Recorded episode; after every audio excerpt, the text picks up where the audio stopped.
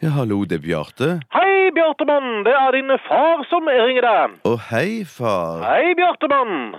Ja, går det fint med deg? Ja da, her går det fint. Jeg sitter på taket i Randaberg med sniperrifla og sikter på forbipasserende biler. Så her er alt berg-og-dal-bane og tutti-frutti som vanlig. Ja, men vær nå forsiktig med den sniperrifla, far. Jeg skal ta oppfordringa fra min lille, gamle sønn. Det er bare gummikuler i magasinet, så sjansen for at noen omkommer her på Randaberg pga. meg i dag, er minimal.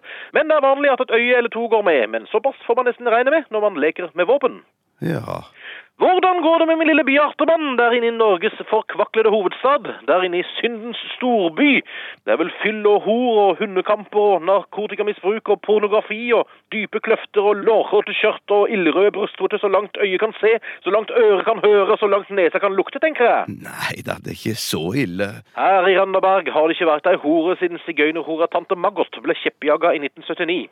Da hun kom på vår dør og tilbød sine tjenester, da var det ikke sein om å ringe naboen, Bjartemann. Da tok vi spader og snøskuffer og det vi kunne finne, og jagde hora nedover bakkene her. Ja, det var moro, Bjartemann. Hun ramla og skrapte seg opp på hele sida. Ja, det var Guds måte å fortelle henne at her i Randaberg skal du ikke hore tante Maggot. Det må du prøve en gang, Bjartemann, å kjeppjage ei hore nedover ei bakke. Ja, hvis anledningen byr seg, så Men vi kunne snakke om tante Margot i timevis. Men jeg ringer deg av en helt spesiell grunn, Bjartemann. Og det handler om noe som skjedde i oppveksten din.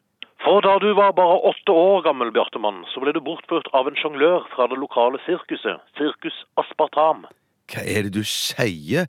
Ble jeg bortført av en sjonglør Du ble bortført av en sjonglør fra det, fra det lokale sirkuset? så- altså, fra det lokale sirkuset som het Ja, Sirkus Aspartam? Du ble bortført til den store gullmedaljen, Bjartemann. I fire uker var du borte, og jeg og mor di var forholdsvis bekymra, og etter to uker gikk vi til politiet. Men takk Herren og hans førstfødte for at du ikke ble utsatt for noe seksuelt.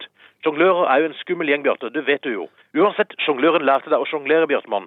Det vi ikke visste, var at skjeglene du sjonglerte med, var laget av ren asbest. Ja, er ikke det farlig? Det stemmer på en prikk, Bjartemann. Det er farlig som bare det. Og da du slapp fra sjonglørens klør, fikk du umiddelbart påvist hånd- og fingerkreft. Hånd- og fingerkreft? Hånd- og fingerkreft, Bjartemann. Er det sant? Nei da, du fikk ikke hånd- og fingerkreft av sjongløren. Du fikk rumpekreft av sirkusdirektøren, og ape-aids av sirkussjåføren, og hepatitt B av sagflisleverandøren. Er det sant? Nei da, du fikk bare litt munn- og klovsyke av billettøren. Abilitøren? Ja, på sirkuset? På sirkuset, ja. Nei da, mor er død. Å nei, er det sant? Mor er død som bare pokker. Hun fikk alzheimer av renovatøren, og glemte å skru av springen på badet, og druknet kort tid etter. Nei, er det sant? Jeg kommer hjem med en gang, jeg. Nei, det er ikke noe vits, Bjarte. Nå har vi vannskader på hele badet, så det blir bare mas og stress.